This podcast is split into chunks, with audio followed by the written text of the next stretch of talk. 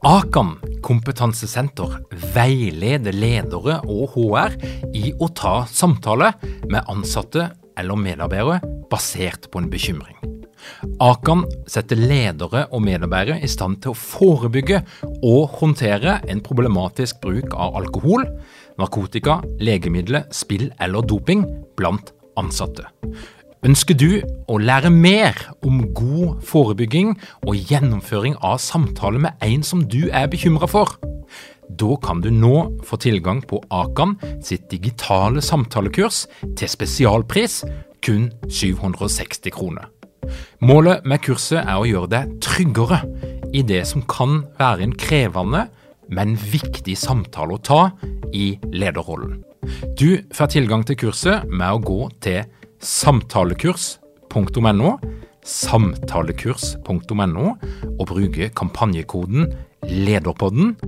Tilbudet gjelder ut april. Dette er en podkast fra Execu. Vi hjelper organisasjoner å utvikle enda bedre ledere og ledergrupper. Lær mer på execu.no.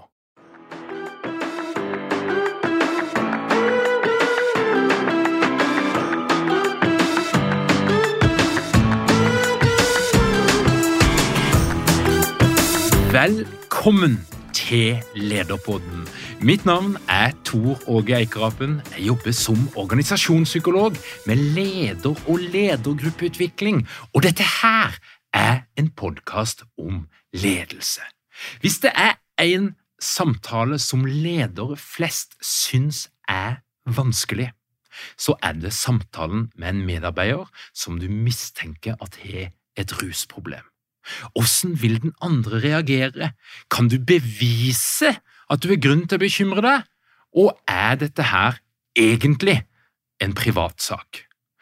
Per Henrik Stenstrøm han er i dag kjent som foredragsholder, forfatter og rådgiver, men i 2012 var han sjefen til Mikael Andreassen i P4. Per Henrik og Mikael de tok den praten. Åssen det gikk, det skal du lære mer om i dag. Velkommen til Lederpodden, Mikael Per Henrik. Tusen hjertelig takk for det. Tusen takk. Du, folkens, Dykken er jo relativt kjente, men la oss ta en liten sånn status og fot i bakken. Hva, hva er det Dykken driver på med akkurat nå? Mikael? Hva jeg driver med akkurat nå? Nå har jeg radiosendinger hver morgen uh, i radiofrokosten på P4. Uh, og, og så er uh, nå er, Jeg vet ikke når denne podden kommer ut, men det, du kan fortsatt ikke vite om jeg er forræder eller ikke på TV 2. Nei, du er på Forræder, ja.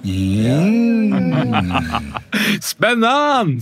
Du er i mediebransjen. Per Henrik, du hoppa ut av mediebransjen, og, og hva holder du på med akkurat nå? Jeg er jo eh, rådgiver innenfor kommunikasjon og ledelse, holder på med lederutvikling eh, og holder mye foredrag om eh, ja, brysomme forskjeller på arbeidsplassen, idioter på jobben, irriterende kolleger, og det har jeg jo da fått mye påfyll opp gjennom åra. Men det er da min Men jeg slutta i P4 eh, for snart ti år siden, og har jo 30 år i mediebransjen bak meg, men, men nå hjelper jeg ledere og, og andre i forhold til å få det enda bedre på jobben. da.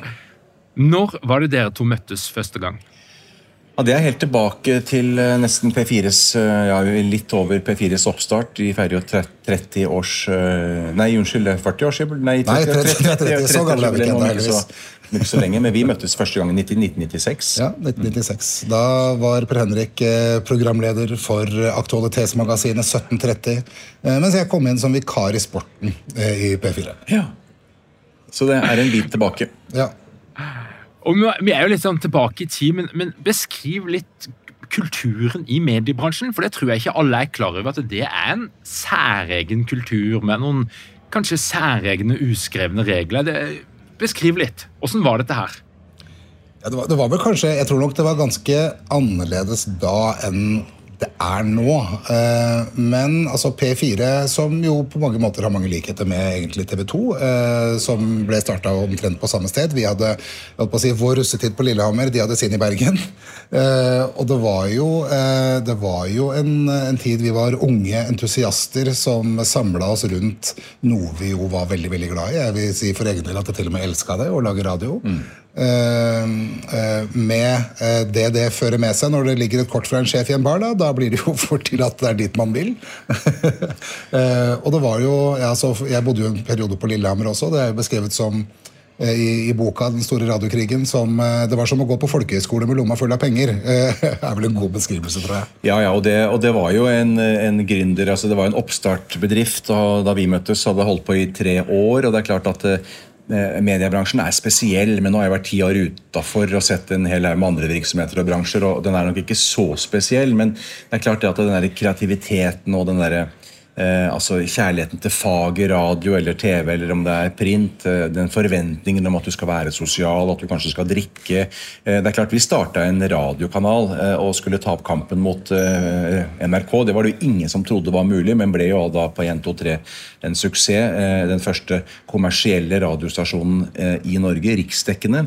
Så det, det var jo altså Det å være med på det var helt fantastisk. Og det var jo selvfølgelig som å være på en fest hele tida, som Mikael sier sier. og det er klart, Vi har jo snakka mye om det i ettertid, at i, i, den oppskriften der, altså det å lage en sånn suksessvirksomhet, og det er det mange som kjenner seg igjen i, uavhengig av om man holder på i mediebransjen eller ikke, så er det klart at i den oppskriften så er det ganske mange liter eh, alkohol. Mm. Det er noe fag, og det er noe sånn og det er noe sånn, men det er mange liter alkohol for å, for å binde et lag sammen. Da, og det er klart at det eh, det går, eh, kan gå veldig gærent, og det gikk veldig gærent i det tilfellet her.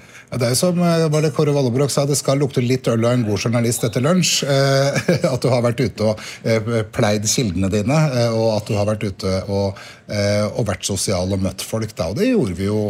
Vi var jo, for min del, jeg var jo opptatt av det, og det var det jeg var mest opptatt av. og Det å kunne være sammen med andre som var opptatt av akkurat det samme, og kunne snakke om det også etter jobb, var jo helt fantastisk. Per Henrik, Hvordan var det å være sjef i en sånn kultur?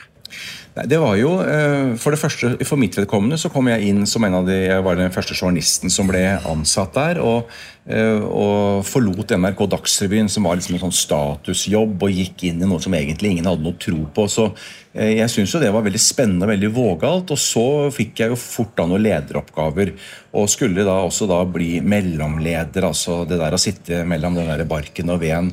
Og det å plutselig da skulle være noe mer enn bare en kompis med kollegene, det var ekstremt utfordrende. Og det å skulle da ja, kanskje fortelle folk litt hva de skulle gjøre, og være leder eller være sjef, samtidig som du skulle være den som skulle være oppe like lenge om natta eller feste like mye og, og kanskje rive i, i ja, alt som da ble drukket i, i baren den kvelden. Det, det var en, en, veldig stor overgang som jeg jo i ettertid ser at jeg eh, ikke alltid håndterte like godt eh, og klarte å sette den der grensa der da, mellom det å være leder og det å være kompis. Det var, det var jo altså, Festene våre altså, For å ta et eksempel. Da, vi hadde cowboyfest på Tusenfryd. Da var det suppe og Tequila til forrett. Så da kan du tenke deg at det ble Det, det, det gikk unna. Ja, og vi sitter jo, vi sitter, De som følger dette her på, på, video, ser at vi sitter i en bar i dag. og Det er, det er, er faktisk helt tilfeldig. Ja, det er tilfeldig. Det er det. Men, men Per Henrik, når du ble slengt inn i, i denne uh, mellomlederrollen, fikk, fikk, du noe trening eller opplæring, eller hadde du noe verktøy med deg i kassa di? Nei, uh, og det er jo eh, en svakhet. Og jeg vil jo si at mediebransjen på mange måter er litt sånn utviklingshemma, faktisk, i forhold til eller ledelse. Det er noen få medievirksomheter som er gode på det, men stort sett så foregikk opplæring i ledelse ved å sitte på fanget til sjefen. Eh, og sånn gjør vi det, og sånn har vi alltid gjort det. Og det var jo gjerne litt sånne typiske ledere som vi ja, nettopp forbinder med medieledere. da, Veldig utadvendte og karismatiske og kanskje har alle disse eh, karaktertrekkene som vi ser på film. ikke sant? Og da var det forventa at du skulle være litt lik, og du kunne få kjeft av sjefen eh, for at du kanskje ikke spanderte nok eh, på medarbeiderne dine. Hvor er alle kvitteringene jeg skal signere? ikke sant? Du må se å komme deg ut og, og drikke og feste med disse folka som jo faktisk gjør en veldig god jobb. Da. Så det var lite påfyll i forhold til utvikling av ledelse, det kan jeg si. Mikael, når, når var det du skjønte at liksom, festen eh, tok litt eh, overtak? Jeg skjønte jo det ganske seint, uh, hvor, langt, uh, hvor langt det hadde gått. Det er jo ikke, det er jo sånn, altså, Når jeg skal definere nå i dag hvor folk spør hvor lenge var du alkoholiker, så definerer jo jeg uh, sånn som jeg ser på det, som at jeg har på en måte vært alkoholiker hele livet. Uten at, jeg, uten, at jeg, hadde whisky på tåteflaska av den grunn men det var jo eh, altså, eh, Da jeg kom inn i P4 på Lillehammer, så var det denne kulturen. Eh, vi møttes fire-fem kvelder i uka. Vi eh, eh, spilte Trivial Pursuit, vi gikk på brenneriet og vi drakk. Eh, og var enige om at de beste sendingene våre har vi hatt i bakfylla. det var på en måte en, en, vedtatt sannhet. Sånn var det bare. og så etter hvert så flytta mange av de andre ned til Oslo. Jeg ble igjen på Lillehammer og, og bytta miljø. Begynte da å jobbe som partyvert på brenneriet ved siden av å være programleder for Midt i trafikken. Og det begynte liksom å melde seg noen flere konsekvenser enn litt dårlig form på jobben. da. Eh, begynte å prioritere annerledes i livet i forhold til økonomi f.eks. Og det begynte å skape eh, igjen en angst. Eh, da kom konvoluttangsten inn. Eh, eh, og det begynte få, da begynte jeg selv da så skjønte jeg ikke at jeg hadde problemer med alkohol. Eh, men etter hvert så hvor langt vil jeg si eh, at jeg skjønte at det handla om alkohol, eller rus, som jeg bare kaller det. da, En eh, åtte-ti år da, eh, før, før jeg slutta. Det, men, men, jeg Og da kan man jo tenke hvorfor i all verden slutta du ikke da? Nei, for da kjente ikke jeg til noen andre virkemidler. Jeg hadde ikke noen verktøykasse som besto av noe annet enn alkohol. Og klarte ikke å forstå hvordan jeg skulle håndtere å ha det vanskelig, da, eller vanskelige følelser uten å bruke alkohol.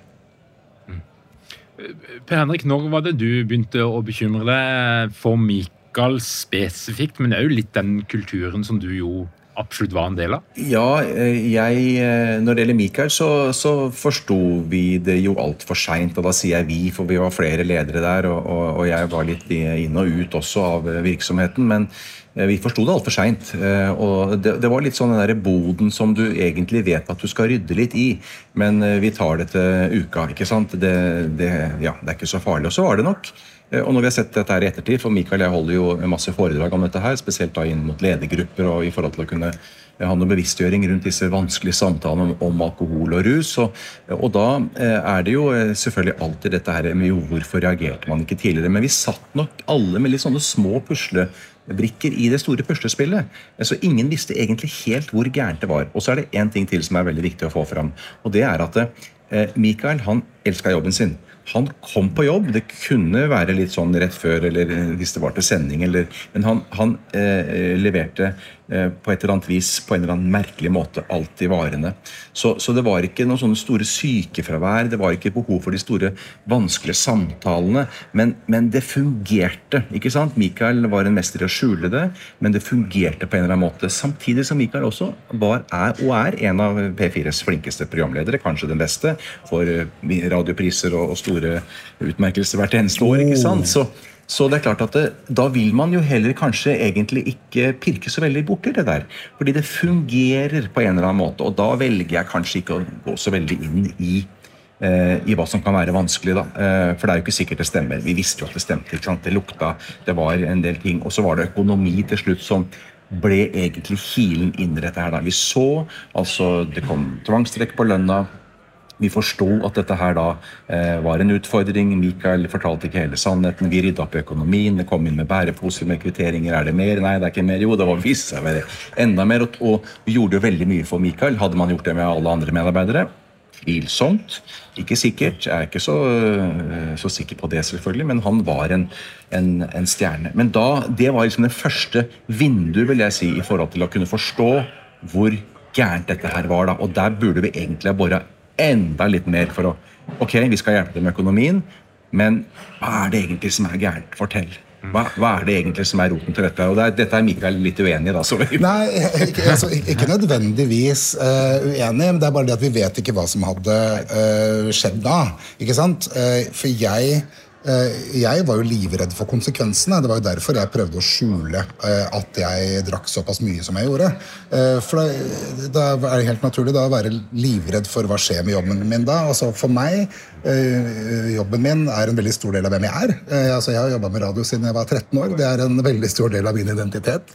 Så det å, tanken på å miste det, for meg var Da, da hadde jeg på en måte mista alt. Så, så, jeg husker jo etter hvert så skjønte jeg jo at jeg trengte hjelp. Men da antyda jeg mer enn jeg, hva jeg fortalte. fordi jeg, Hvis de virkelig får vite hvor ille dette er, det, det, det, hvordan kommer de til å se på meg da? Så forferdelig menneske jeg er. Eh, så jeg antyda eh, for å på en måte strekke ut en hånd, men jeg eh, turte jo ikke å si hele sannheten. Og da begynner det jo å bli vanskelig. Og det er jo ikke sikkert at hvis dere hadde sagt ok, adressert alkoholen Det er jo ikke det er jo ikke sånn at Hvis man adresserer den, så vil en alkoholiker innrømme alt. sånn er det jo ikke. Den første refleksen min ville jo selvfølgelig vært å kjempe imot, fortsatt med den samme frykten. da. Eh, så de, Jeg mener jo at i mitt tilfelle, men, men, det er jo alkoholikeren. ikke sant? Vi er jo heldigvis eh, ikke så mange. Eh, vi trenger et, et eget løp for å være i stand til å ta imot hjelp, og for å og ikke minst få det til. Men så har du alle de eh, som i en periode av livet, og det er ganske mange, eh, drikker problematisk. da. For dem så skal det ikke så mye til. Da trenger det ikke være noe mer enn at f.eks. du hadde sagt vi tar en gjennomkjøring av uh, tenk, hvordan tenker vi om alkohol i P4 f.eks. Bare det kunne ha holdt for ganske mange. da. Men for meg så, så tror nå jeg i etterkant at jeg var nødt til å ha den reisen jeg har hatt. da. Mm. Jeg, lurer på en, en, en ting her. Et, jeg, jeg, tenker at et, Kulturen er beskrevet, og så er du som leder en del av det. Altså Du er med og drikker, og du, du, du gjør det sjøl. Og du er sannsynligvis med på å booste den kulturen, eller legge til rette for den i hvert fall. Og da kommer du jo i et sånt dilemma, da. For hvem er du, Per Henrik, til å skulle påpeke feil med andre? Du som sjøl sitter i baren, men som tydeligvis klarer å legge deg sånn akkurat tidsnok. Eh, og det, det, er jo et spørsmål som treffer eh, midt i magen. Og, eh, og det, den der forventningen som man antar at alle medarbeidere har til deg, at du skal være Er vi ikke gode nok lenger? Er vi ikke morsomme nok? Altså, Hvorfor er du ikke med og drikker? Hvorfor går du og legger deg tidlig? Jeg gikk på Solstrand-programmet og fikk jo en sånn midt i magen. Og det er jo veldig langt inn i mitt lederliv. Jeg er jo nesten 50 år gammel. Eh, hvor Mona Halvorsen, eh, tidligere Pornoblad-redaktør og, og, veldig skal vi si, spennende lederdame, eh, som sikkert noen kjenner til, som da i dag driver en cateringvirksomhet med folk som står litt utenfor arbeidslivet osv. Hun holdt et innlegg der hvor hun sa det at 'jeg drikker aldri når jeg er sammen med mine ansatte'. Og jeg trodde jeg hørte feil eh, tatovert dame, kul. Altså, og jeg måtte opp til henne og si etterpå og prate Hva sa du for noe? Altså, Du drikker aldri når du er sammen med dine med... Nei, jeg drikker aldri alkohol når jeg er sammen med mine medarbeidere. Det er en helt absolutt sånn grense for meg. Og det fikk meg virkelig til å tenke. altså, Hva slags forhold har jeg til alkohol? Eh, og jeg drikker ikke spesielt mye, eh, men det er det at eh, må jeg drikke alkohol med mine medarbeidere? Må jeg være med på alle disse festene? Eh, hvordan, eh, hva slags forhold har jeg til alkohol når vi er på seminarer? Eh, hva slags forhold har jeg til alkohol når jeg er på utenlandsreiser? Hvordan legger vi opp dette på jobben i forhold til vinlotteri? Belønning hvis noen har gjort en ekstra innsats? Er det alltid alkohol? ikke sant? Det var liksom veldig mange sånne ting som dukka opp, og dette prater vi jo mye om disse foredragene. og det kommer jo alltid minimum to-tre ledere etterpå som kommer ut og sier at nå har jeg en jobb å gjøre når jeg kommer hjem, i forhold til et par samtaler i forhold til egen bevissthet rundt dette med alkohol på arbeidsplassen. Så så er det jo litt, ja. Eh, så skal man jo, eh, sånn som for vårt tilfelle, forandre på noe som har vært helt annerledes før. Mm. For hele? Fra starten av så, så, var vi jo en stor gjeng. Forskjellen på meg og deg da var at du betalte. Ja. og, så, ikke sant? Ja. og, så, og det også skal man plutselig endre seg. Skal du liksom Hei, alle sammen, jeg har bestemt meg at fra nå av så skal jeg ikke drikke sammen med lenger. Det, blir, det blir også, er jo en vanskelig øvelse, det òg. Ja da. Og vi gjorde en del grep etter at vi fikk Etter at du slutta å drikke og har hatt Eh, jeg vil jo si at det, skjedde, det skjedde mye, bl.a. at man eh, hadde andre premier. og Ikke kalte det nødvendigvis vinlotteri, men at det var et fredagslotteri. At eh, belønning var en bok istedenfor en flaske vin. Det er sånne, mange sånne småting, som allikevel har en sånn stor signaleffekt. Ja, til å begynne med, Da jeg hadde slutta å drikke, så var jeg veldig glad for at de sleit litt. For det er mange som sliter med fader, hva er det som er ålreit for folk flest som koster rundt hundrelappen? Det er jo ganske, det, man, det, er jo fantasien som stopper deg, og så ender nei, vet du hva, kjøp en flaske vin. Eh, ikke sant? Eller en, en, champagne, ikke for dyr. Men helt i starten så sleit de litt, så det de endte opp med da, var at de hadde altfor dyre gaver. Så jeg dro hjem i stedet med en flaske vin. Jeg hadde et nytt teppe fra Gant, jeg, og til og med en iPad fikk jeg en gang. så det var, litt, var jeg litt lei meg for at de fant ut at de kunne kjøpe billige gaver som ikke var alkohol. Men, men, Mikael, hvis du tenker tilbake, hva skulle du ønske at Per Henrik hadde gjort på et tidligere tidspunkt? Altså, Jeg hører jo at det er, det er noen begrensninger på mye uh, verden utenfor kan få til her, men, men, hva skulle du ønske at han hadde gjort? Eh, altså, eh, Jeg eh, fant jo en enormt trygghet i måten jeg ble tatt vare på i, i P4. Eh, det man kunne ha gjort eh, altså I mitt tilfelle så, så, er det ikke sånn at jeg sitter, sitter, og tenker at å, hadde de bare gjort det. Fordi eh, det var egentlig ikke så mye de kunne gjøre for å endre på hvordan reisen min ble. Men det de selvfølgelig kunne ha gjort, var jo å sette seg og gå litt mer i dybden på hva det egentlig handla om. Og da er jo inngangen selvfølgelig ikke eh, du, du, drikker for mye, jeg tror kanskje du er alkoholiker, men rett og slett grave litt mer i, eh, i hva som lå bak disse økonomiske problemene. Men det tror jeg Jeg, jeg da jeg hadde ikke innrømt det likevel da. Og jeg var veldig god til å finne forklaringer, som jo hørtes helt fornuftig ut. Eh, jeg eh, hadde jo et, et, et selvmordsforsøk i 2005, som jo er sju år før jeg slutta å drikke. Eh, da gikk jeg til psykolog, og jeg lurte jo psykologen òg, som først trodde at dette var rusrelatert. Husker jeg psykologen sa til meg. Men nå vet jeg hva det er, Mikael. Du er bipolar. Altså manisk depressiv. Og dette fikk jo alle til å stemme. Altså, Historien er jo full av sånne, eh, sånne personligheter. Eh, kreativt yrke, litt bohemaktig. Det stemmer jo, det.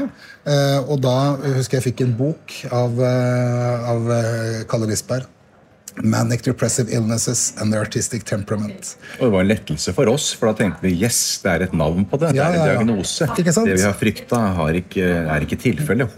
Heldigvis. altså, var, det var jo nesten som å vinne i Lotto å få den diagnosen, for, for da hadde jeg en forklaring òg. Og satt og leste dagboknotatene til lord Byron og Virginia Woolf og følte meg nesten litt eh, Dette var en eksklusiv klubb, nesten. Så dette var litt sånn Yes, jeg er bipolar.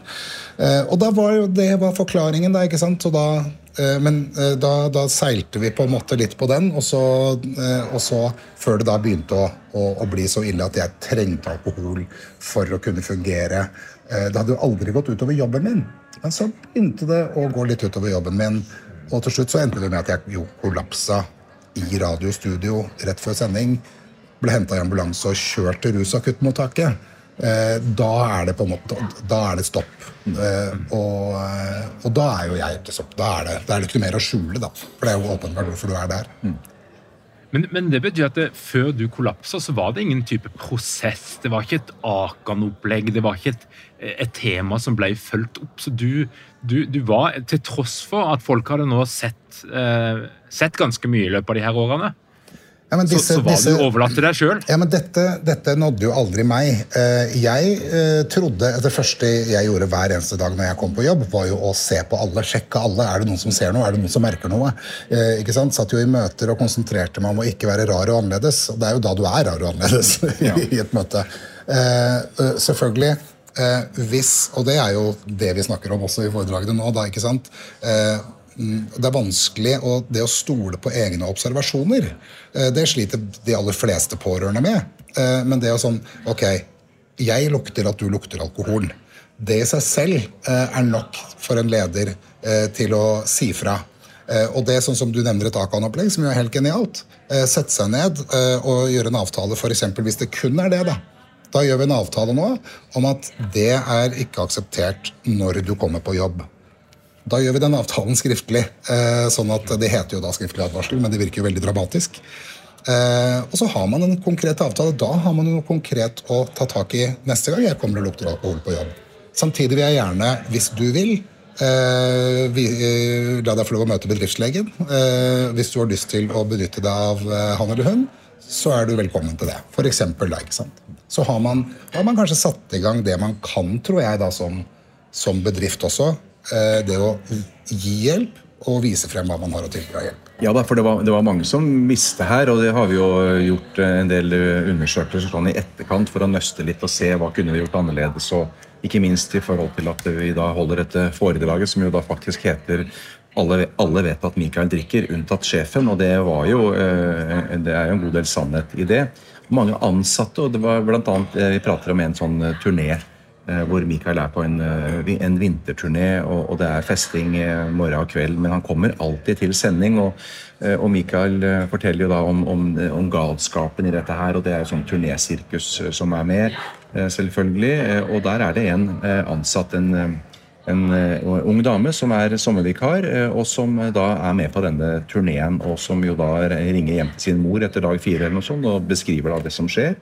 Og, og, moren sier at dette er ikke et normalt arbeidsliv, du må si fra.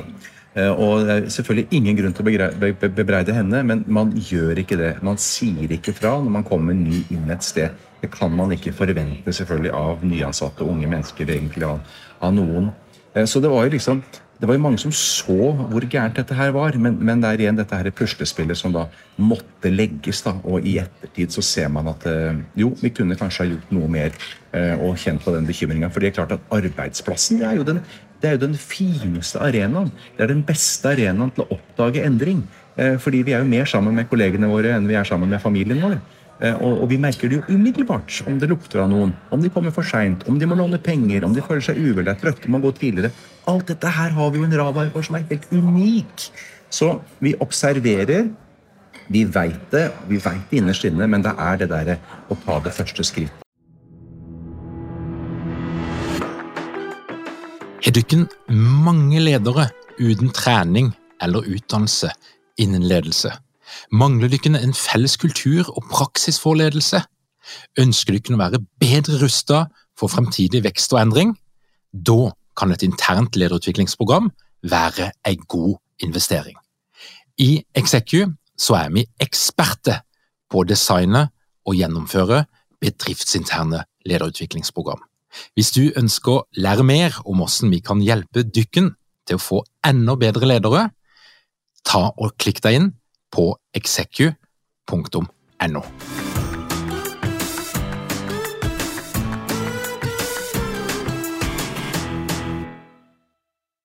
Si da, for eksempel Jeg opplever at jeg føler Jeg er bekymret, altså. Ja. Og Da er det tenker jeg så utrolig viktig at en bedrift har tenkt på dette også på forhånd. Fordi eh, sånn som eh, hos oss, da, det er jo litt sånn som ikke sant? Å, er det plutselig ikke lov å lukte øl på jobben lenger nå? Eh, for det har det jo aldri blitt slått ned på før. Jeg har jobba her i ti år. Det eh, hadde jo vært et eh, førsteforsvar for meg. ikke sant? Hvor er, og mener P4 noe om hvordan vi eh, bruker alkohol. Altså det, å ha, altså det at man bestemmer seg for noe, og så sier man ifra til alle som jobber der at eh, vi har forresten noen tanker om alkohol hos oss, eller rus og spill hos oss. Eh, vi kan gå gjennom lista nå, er det lureste, fordi de, de færreste vet jo hvor de finner det dokumentet. det ligger som regel godt gjemt på intranettet. Eh, men at, man har noen altså, Jeg sier noen ganger altså, Hvis det er sånn at dere vil at etter en firmafest så skal eh, direktøren ha, minst ha ligget med to, eh, og minst åtte skal ha kasta opp, ja vel, da har dere bestemt dere for noe, i hvert fall. Da blir det sannsynligvis ikke det lista eh, hvis de setter seg ned sammen og gjør det, men, men ha noen tanker om hvordan dere vil ha det. Mm.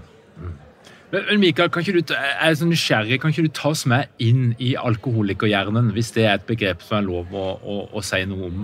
Altså, hvordan, hvordan, ser den logikken ut da, når det begynner å skru seg litt til? Hva, og Du skal på jobb, og det er du opptatt av, og jobben er viktig for deg, men alkoholen er òg veldig viktig for deg. Men, men hvordan, funker dette her? Hvordan, ja, hvordan tenker du når du er i, i den modusen? Altså, eh, det handler jo om å, for meg, sette meg selv i stand til å kunne klare å gå på jobb. Det er jo mange ting. Én ting er eh, at jeg skjelver, eh, og at jeg har en angst som er altså, Angst er jo subjektivt, men min opplevelse av angst det er jo så sterkt at, at jeg kvier meg jo for å se noen som helst i øynene. Jeg gruer meg. Så, så, så det handler først og fremst om å sette meg selv i stand til å kunne gå på jobb. Så min dag kunne jo starte over vasken. Eh, drikke vin, kaste opp, drikke vin, kaste opp, til jeg fikk i meg nok til at jeg var i stand til å kunne fungere.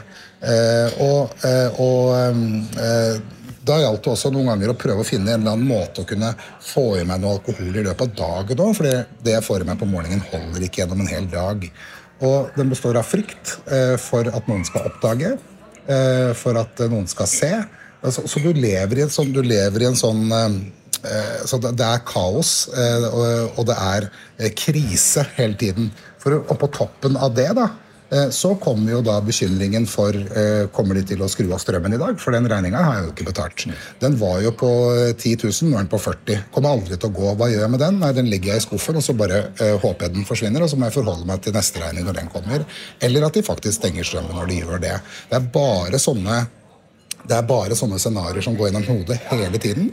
Men så var det veldig lenge for meg sånn at med en gang jeg kom inn i det radiostudioet og lukka den døra, så var jeg trygg.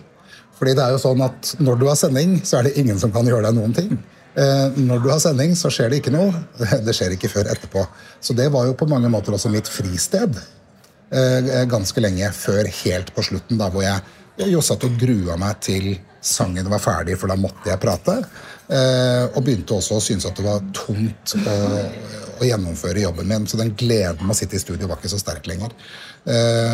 Men, men jeg klarte jo ikke å se for meg at jeg skulle klare å mestre noe som helst uten denne alkoholen. Så, så det er en sånn desperasjon hele tiden. Og alle disse følelsene er det bare én måte å få uh, orden på, og det er å drikke alkohol. Så jeg sitter jo i en sånn uh, selvforsterkende, selvskapt uh, sånn karusell som, som, som, jeg er hele tiden offer for mine egne handlinger. da. Som, som, jeg aldri er i stand til å starte ordentlig og rydde opp i. Så det er kaos hele, hele, tiden. og det er egentlig å, det å overleve denne dagen det handler om. Det miljøet du beskriver, er det ikke nesten sånn at hvem som helst som blir eksponert for så mye alkohol, og der du er en del av en kultur, og du er litt sånn, du flytter til Lillehammer, og du er på folkehøyskole altså, Ligger det ikke litt sånn i kortene at dette vil skje for noen? En viss prosentandel vil du, vil bli, du vil få så mye alkohol at til slutt så vil du måtte ha mer, eller, eller er det en gammeldags tanke? Jo, altså for, for noen eh, så er det jo sånn helt åpenbart. Altså de, det er sånn tommelfingerregel på én av ti cirka. Eh, hvis man er disponert for det, eller man utvikler eh, alkoholisme. da. Men for veldig mange så er jo dette også, kan du sammenligne for med de, de, som hadde en utagerende studietid i Bergen eller Trondheim. For eksempel. Sånn var det de årene. Og sånn er det jo da for de fleste. Og så, når de da flytter et annet sted, møter noen, etablerer en familie, så tenker du ikke noe, reflekterer du ikke noe særlig over det. Det var en gøy, det var gøy russetid, på en måte. Gøy studietid. Men det som viser seg, er jo at det drikkemønsteret du la til deg i den utagerende studietiden, f.eks. Eh, hvis du havner i en livskrise i 40-åra etterpå, så er det gjerne den Det blir sånn treningshukommelse, holdt på å si drikkehukommelse. Så er det gjerne den eh, drikkestilen du legger til deg eh, igjen i den perioden. Og hvis du ikke er oppmerksom på det, eller noen andre gjør deg oppmerksom på det, så vil jo dette kunne utvikle seg til å bli eh, et enda større problem. Da, at, du, at, du, eh, at, du, etter hvert ender alt jeg på å si, som meg eh, og, og, blir avhengig av det. Derfor syns jeg det er så viktig at, å minne altså spesielt de som da driver bedrifter om at det skal så lite til. da. Fordi at folk flest, hvis jeg sier til deg at nå har det vært litt mye drikke alkohol i det siste, så tenker du da, men så tenker du ja, det har kanskje det. Så drikker du mindre. så, så, enkelt er det jo for de fleste. Ja. Per Henrik, du, du, hadde jo noen, eh, noen antakelser sikkert om hva rusproblemet var, hva en alkoholiker var for noe. Altså, du hadde noen sånn forhåndsinnstilte programmer på, på hvordan det så ut. Hvilke fordommer var det du, eh, du, ble konfrontert med når du skjønte at uh, din gode kollega Mikael var i den kategorien? Nei, det var, det var, jo eh, veldig eh, Det var veldig uvirkelig. Også hadde Michael hadde familie, og, og det var liksom så eh, Hva skal vi si Det, det, det var så komplisert. Og så har man liksom lyst til å fikse ting også. Og så, og, og så var det jo noen sånne meldepunkter underveis her. Vi hadde jo noen vi, altså bl.a. med økonomi og sånne ting, hvor vi forsto da at det her ikke var helt bra. Men det måtte men, men, det er den derre lille altså, eh, Dette kommer sikkert til å løse seg på et eller annet tidspunkt. Og så tolker man alle sånne små Ja, nå er det vi snakk om at det er en, eh, en sånn schizofrenidiagnose. Ja, ja, ja. Altså, nå er det det, nå er det bip, sånn og sånn. Og så, og så ordner det seg. Man har kanskje ikke det der språket helt for å snakke om de der vanskelige tingene. da Eh, og da eh, måtte det altså gå så gærent da, som at eh, til, slutt så kom det også et, et varsel, eh, og, og da noen dager etterpå så kollapser du eh, i studio. Da sitter jeg på vei og skal gå til skiløp bort til Sverige som heter Vasaloppet, og du skulle være med på sending. ikke sant? Vi fikk aldri tak i deg, og det ringer en kollega. Eh, Jeg klarer ikke å snakke om det nå, for jeg blir så berørt av det. Men, men eh, hvor vi da får melding om at nå er Michael sendt på sykehus. ikke sant? Altså kollapsa. Og da hadde man liksom ant at dette her eh, var i ferd med å skje. Men så, når det skjer, så slipper man jo selvfølgelig alt man har i hendene. Jeg har aldri gått Vasaloppet så fort som den gangen, for da måtte jeg så jeg komme meg i mål eh, og, og, få, og få kontakt. Men det fikk vi jo ikke, fordi da, du, eh, da var du innlagt. Eh, Og det å være gjennom noe sånt som leder, skulle man jo liksom tenke at man skulle slippe, da. Eh, Men samtidig så er det jo en nyttig erfaring, og når vi holder foredrag om dette her og er ute hos ledergrupper, så er vi ikke opptatt av å snakke alkohol ned. ikke sant? For det er manges beste venn eh, på firmafester og, tjo og hei og moro. Vi snakker ikke alkohol ned. Ikke det hele tatt. Eh, Men det er det å i hvert fall bli enige om noen sånne spilleregler. da. Hvordan skal vi ha det på arbeidsplassen?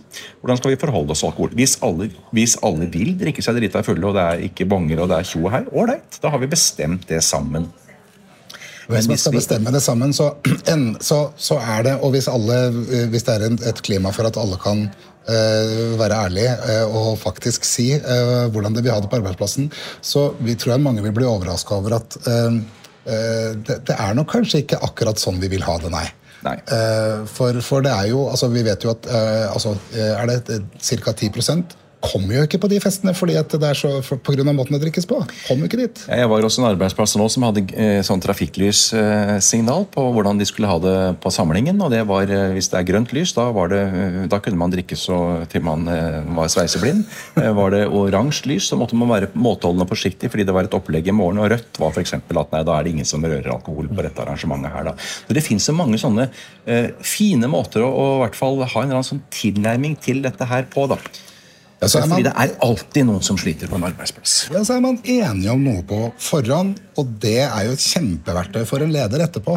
Eh, For da kan du helt konkret si ja, men dette her var jo vi enige om. Det har vi jo jeg til og med, eh, til og med eh, fortalt til alle som jobber her, og til og med spurt er det noen som lurer på noe. så, sånn at dette har vi vært enige om. Så da har man jo noe konkret å henvise til, i stedet for fingeren litt i været og 'jeg syns'. Så det å etablere noen spilleregler, og så tenker jo jeg altså det å gjøre det lett å si nei til alkohol. Det er, det er jo fremdeles sånn i norsk kultur at du blir jo sett på som en sosial avviker Ja. eh, når du sier eh, nei, nei takk, jeg velger noe alkoholfritt. Altså, Vi har hatt en trend her med noen mocktails og, og, og greier, og det kan se ut som at det er noe som endrer seg, men det er jo fremdeles en følelse av å være ah, rar. Ja. Ja, Du har jo en fin er løsning veldig på det. Ja, da, nei, jeg synes jo Hvis noen spør hvorfor jeg ikke drikker, så, så, spør jeg, så spør jeg ofte tilbake hvorfor, hvorfor de drikker.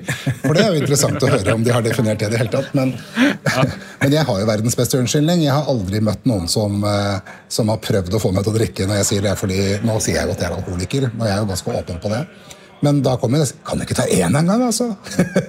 For det er der, eh, under der så ligger det jo egentlig spørsmålet Er det mulig å ha det gøy i det hele tatt? Ja, og så er det også det som eh, ikke bare det selvfølgelig har helt rett i, men er også er vi ikke gode nok til at du skal slå deg litt løs, skal bandere på deg sjøl en taxi, ha det litt gøy. Kan du ikke la altså, Hva er det med oss som gjør at du velger å avstå fra dette fine sosiale li limet, ikke sant? Eh, så, så det er jo eh, mangslungent, det der, altså. Ja, du, du, altså du, du Hvis jeg skal drikke og, og gjøre meg litt morsommere enn det jeg pleier å være, så er det jo litt skummelt at det er noen edru folk som observerer meg. Nei, altså, jeg, jeg, jeg, har jo en, jeg har jo laget en forestilling som jeg har, som jeg har spilt eh, nå li- litt på Chat Noir og i Drammen, og som jeg skal på turné med til, til våren. Den heter jo 'Jeg stoler ikke på folk som ikke drikker'. Eh, og det, det er jo litt typisk det. Du, du vil jo gjerne at andre skal være på samme nivå som deg. Eh, og det føles fort litt utrygt, faktisk, eh, å ha en, en jævel som husker alt du gjorde og sa og, uh, så, så, så, det er som det føles litt sånn ubekvemt. Ja, ja, det, og, det, og, og, mange har jo erfart at man ikke helt liker den personen man blir når man drikker. Uh, men det er jo også veldig mange som faktisk liker den personen de blir når de drikker. ikke sant? Den som er litt flørtete og som er litt mer morsom og litt løsere i snippen. Sånn at de da må opp på et sånt visnivå for å kjenne at nå skal jeg få vise kollegene mine at jeg ikke er det der hengehus som de tror. Og den fantastiske selvinnsikten da er at de tenker at det syns alle andre Men eh, Mikael, Alvoret i dette her, det er jo at eh, mange som kommer til det punktet du var på, de overlever ikke. Nei. Altså Folk dør av dette her. Enten dør de av selvmord, eller så dør de fordi at leveren ikke orker mer. Eh, og det er et faktum som vi har ganske skremmende tall på. Ja, Ellers så, ellers så dør de av en av over 200 forskjellige sykdommer der alkohol er underliggende eh, årsak. altså sånn Alvoret i det er alvorlig nok i massevis. Eh, det, altså, det er en ganske høy prosentandel, nå husker jeg ikke nøyaktig, eh, bare på brystkreft hos kvinner f.eks. Eh, og de har jo ikke engang funnet hvor går grensa. Altså, det eneste de vet, er at alkohol er kreftfremkallende. Altså, det er jo sånn Nå at uh, nå har jo Helsedirektoratet anbefalt uh, Stortinget å trykke helseadvarsel på etiketten på alkohol. Så så, så, så alvorlig er det jo. Uh, absolutt. Hva gjorde at du overlevde, at du kan sitte her i dag og fremdeles jobbe i P4 og snakke om dette her som noe som skjedde i din fortid? at jeg fikk hjelp på det tidspunktet hvor det var passa bra, eh, og at jeg hadde nådd det som for meg Og det også er en subjektiv oppfatning, hva som er bunnen for meg. Eh, objektivt sett så var jo den bunnen nådd for lengst, og det er det jo ofte når man ser andre som helt åpenbart sliter. Eh, jeg våkna til meg sjøl på rusakuttmottaket. og erkjente jo bare, det hadde jeg jo egentlig gjort allerede. Jeg hadde egentlig kommet ganske langt i min egen tankeprosess rundt at jeg var alkoholiker. Men jeg var avslørt. Eh, jeg hadde blitt betrygga om at eh, slapp av, jobben din, den har du. Eh, den kommer du ikke til å miste. Da var jeg åpen for ok, jeg trenger hjelp, jeg trenger verktøy for å klare dette. Jeg har prøvd mange ganger uten å få det til aleine. Og kom inn på en tolvtrinnsklinikk som for meg Eh, ble måten å, å, eh, å, gjøre det på. Eh, og tok det alvorlig, tok det seriøst, gjorde det grundig. Og merka jo veldig fort Jeg fikk jo veldig fort belønningen for det med, i forhold til hvordan jeg hadde det med meg sjøl. Og har jo da fortsatt med det etterpå. Fordi at det som, altså Ordet arbeid vet du, er jo veldig ofte sånn å, arbeid høres veldig negativt. Men det er jo lystbetont arbeid som har gitt meg mye positivt i livet etterpå. Eh, sånn at for meg så er livet rett og slett bare utrolig mye bedre uten. Eh, det kan poppe inn i hjernen innimellom at 'å, nå fikk jeg lyst på en øl', eller at jeg kan savne deler av det. Eh, men det er som jeg sammenligner det med hvis alle hadde handla på alle tankene som popper inn i hodet, så hadde vi vært en gjeng med apekatter alle sammen. Så, så, det er litt sånn jeg forholder meg til det. Hva, hva endra seg i P4? Det som så, sånn som i dag, altså Kulturen er jo helt annerledes. Eh, det, det er jo ikke eh, det, det, er ikke den samme altså Folk drikker ikke sånn som vi gjorde før i fellesskap. For det var jo det vi gjorde, var jo at vi gjorde det sammen og i fellesskap. Eh, nå er det mer, mer en arbeidsplass enn en fritidsklubb. Og vi ja, I starten så bare kalte vi rett og slett bare Vinlotteriet for noe annet. og Da husker jeg da kom det folk bort til meg og sa takk skal du ha.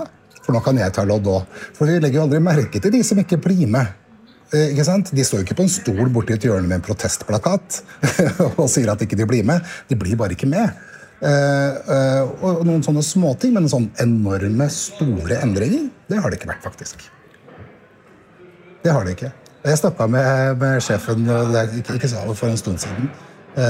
hvor nei, jeg har egentlig ikke det. For din del, hva, hva, hva, er det du aksepterer og ikke aksepterer i et arbeidsmiljø når det kommer til rus og kultur? Nei, altså, jeg, eh, altså Hvis jeg oppfatter eh, folk som rusa, så adresserer jeg det jo. Men der har jo jeg en unik posisjon, da, ikke sant? fordi jeg har den bakgrunnen jeg har, og er så åpen. Eh, sånn at For meg er det jo veldig trygt og lett å snakke om rus med noen. Eh, så jeg kan, jeg kan fint gå bort til noen eh, og, og, si fra hvis jeg føler behov for det. Det har jo faktisk ikke skjedd. Og, og hvis det er noe jeg syns er ubehagelig som er knyttet opp mot rus, så er det null problem for meg å, å si fra. Men selvfølgelig aksepterer jeg jo ikke at noen som skal være Altså, vi er på jobben for å lage noe sammen, for å prestere noe. Og hvis noen er redusert pga. rus, så syns ikke jeg det er greit. Da har jeg ikke noe problem med å si det heller. Men det, det kan jeg egentlig ikke huske har skjedd, faktisk. Det er jo ledere som hører på denne podkasten, og eh, mange av de syns er veldig vanskelig å ta den første samtalen. Eh, og mange tror at det er liksom én samtale der alt skal skje, men det er jo helt feil. Som regel så er det en serie av samtaler. og Det er ikke sikkert du får noen innrømmelse eller noen konklusjon eh, før langt ute i prosessen. Men, men, men eh, når tenker dere at man bør ta den samtalen? Jeg tenker at man bør ta den samtalen så fort man merker man kjenner på at den bekymringen er der.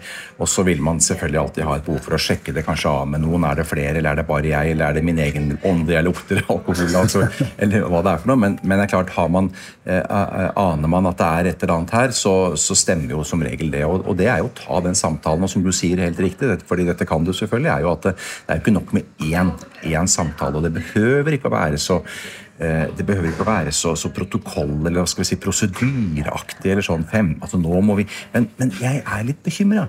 Jeg opplever at du Ja, du er et eller annet eh, Kanskje du kommer litt seint. Jeg syns kanskje det lukter litt. Altså, jeg klarer ikke helt å sette ord på det. Det behøver jo ikke å være så forferdelig formelt, dette her. da, men og, eh, og så lurer man alltid på ja, ja, nå har jeg tatt samtalen. Nå har jeg tatt samtalen, ikke sant? Check, ferdig. Men hvor lenge? Ja, det er jo til, til du opplever at den der endringen er borte. Da, at det, har blitt bedre, eller du føler at det kanskje har kommet noen svar som gjør at du kan agere på en eller annen måte. Så du skal jo bry deg så lenge som du kjenner at du har den der uroen i deg. Ja, og det, og det eh, mange kanskje kan være redde for, er at de føler at det eh, altså For det blir veldig lett en sånn konfrontasjon. Altså, Den samtalen kan fint gjøres med omsorg. Eh, sånn som det du nå sier, det du uttrykker, er jo, er jo omsorgsfullt. Og det er jo faktisk godt, selv om, selv om, du er sjef, at du faktisk viser at du bryr deg om meg. At det er derfor du tar denne samtalen.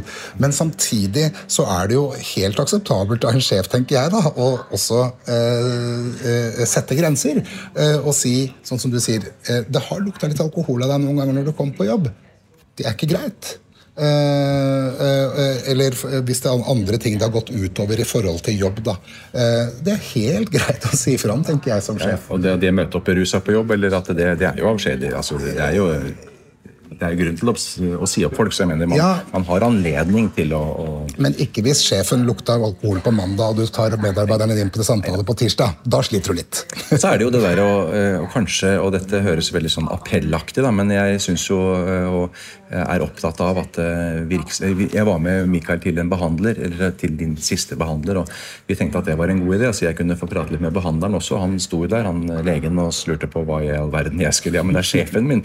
Hæ? Jeg har aldri hatt en sjef her som har lyst til å prate om hva vi kan gjøre for å uh, få til et, uh, altså et bedre rehabiliteringsløp. Uh, stort sett så vil de prate om hvordan de kan få sagt dem opp. Og, og, jeg skjønner at en liten virksomhet, en rørleggervirksomhet med en som har store alkoholutfordringer, ikke kan liksom bruke alt sin tid på det. Jeg, jeg, skjønner det. Men det er klart, større arbeidsplasser, så kanskje alle kan ta litt mer ansvar for å holde de innafor, holde de på jobb mens behandlinga pågår. Eh, fordi så fort de havner utafor arbeidslivet, eh, og det er Nav og alt dette her, og vi har så mange gode verktøy og så mange gode virkemidler i Norge, eh, så det er på en måte mulig å finansiere behandling, og nå betalte vi Vangseter, men jeg mener det var liksom bare småpenger oppi det hele. Men det er klart at det, hvis du klarer å holde dem litt innafor, holde de på jobb mens denne behandlingen pågår, eller hjelpa vi kan sette inn, så eh, gjør vi samfunnet en enormt stor tjeneste. Ja, og det er faktisk ikke bare samfunnet. Du gjør din egen bedrift en stor tjeneste. og dette, altså Hvis du går inn på uh, Akan sine sider, så har de til og med regnestykket klart. Selv for den mest kyniske bedriftsleder som kun er opptatt av å tjene penger. Uh, regnestykket går fortsatt i din favør hvis du velger å hjelpe fremfor å ikke gjøre det. er det noe som du kunne lyst til å melde ut til lederne som hører på Lederpodden, som jeg ikke har spurt om? Nå? Eh, jeg tenker det, det, som er viktig å ta med seg, eh, syns jeg, er eh, bestem dere sammen for hvordan dere vil ha det. Eh, ha et forhold til eh, at eh, folk ruser seg. Jeg kaller det det, jeg er ikke alle som liker det, men det er noe sånn det er da. Alkohol er et rusmiddel. Hva tenker vi om det her på arbeidsplassen hos oss? Bestem dere for noe. Ha en felles oppfatning av hvordan det skal være. Og ikke vær redd for å ta den første samtalen.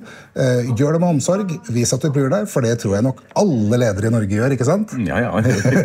Vi får jo tro det, men Og skap et rom hvor det er en mulighet til å kunne være, ha en ganske åpen dialog.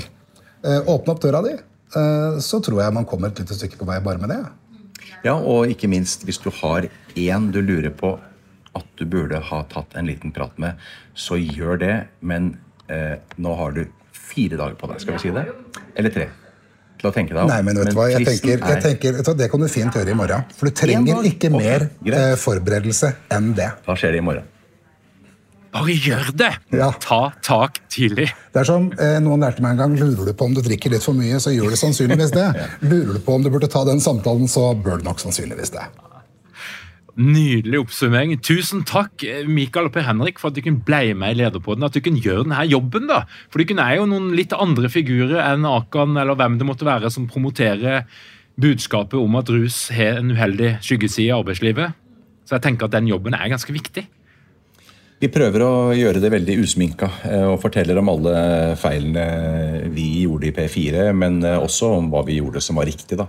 Eh, og Derfor er jeg, jo, jeg er veldig stolt av det. altså Se at det sitter en veltrent, flott kar her som er på høyden i sitt arbeidsliv og som ikke har rørt alkohol på er det 11 år? Ja, 11 15 år. 11 15 år, Det må jeg si det er ja, det er som jeg sier til meg sjøl i speilet, også så flott han blei. du skulle sett hvordan han så ut før. Han var ikke, ikke egnet for TV, men nå er han jo det. Tusen hjertelig takk for at du kom til Lederpodden. Tusen takk for at takk du fikk komme. Til deg som hører på, hvis du er nysgjerrig på alt som skjer i vårt lederunivers, kom deg inn på lederpodden.no, trykk på den rette knappen og legg igjen din e-post. Og hvis du ikke har fått det med deg, ja, lederprogrammet er utsolgt! Gruppe to, helt fullt! Nytt program settes opp i februar, og Per Henrik Stenstrøm er altså én av de du får lov til å møte på lederprogrammet i høst, hvis du er en av de 40 heldige deltakerne. Takk for at du hører på Lederpodden. Vi høres igjen om ei uke.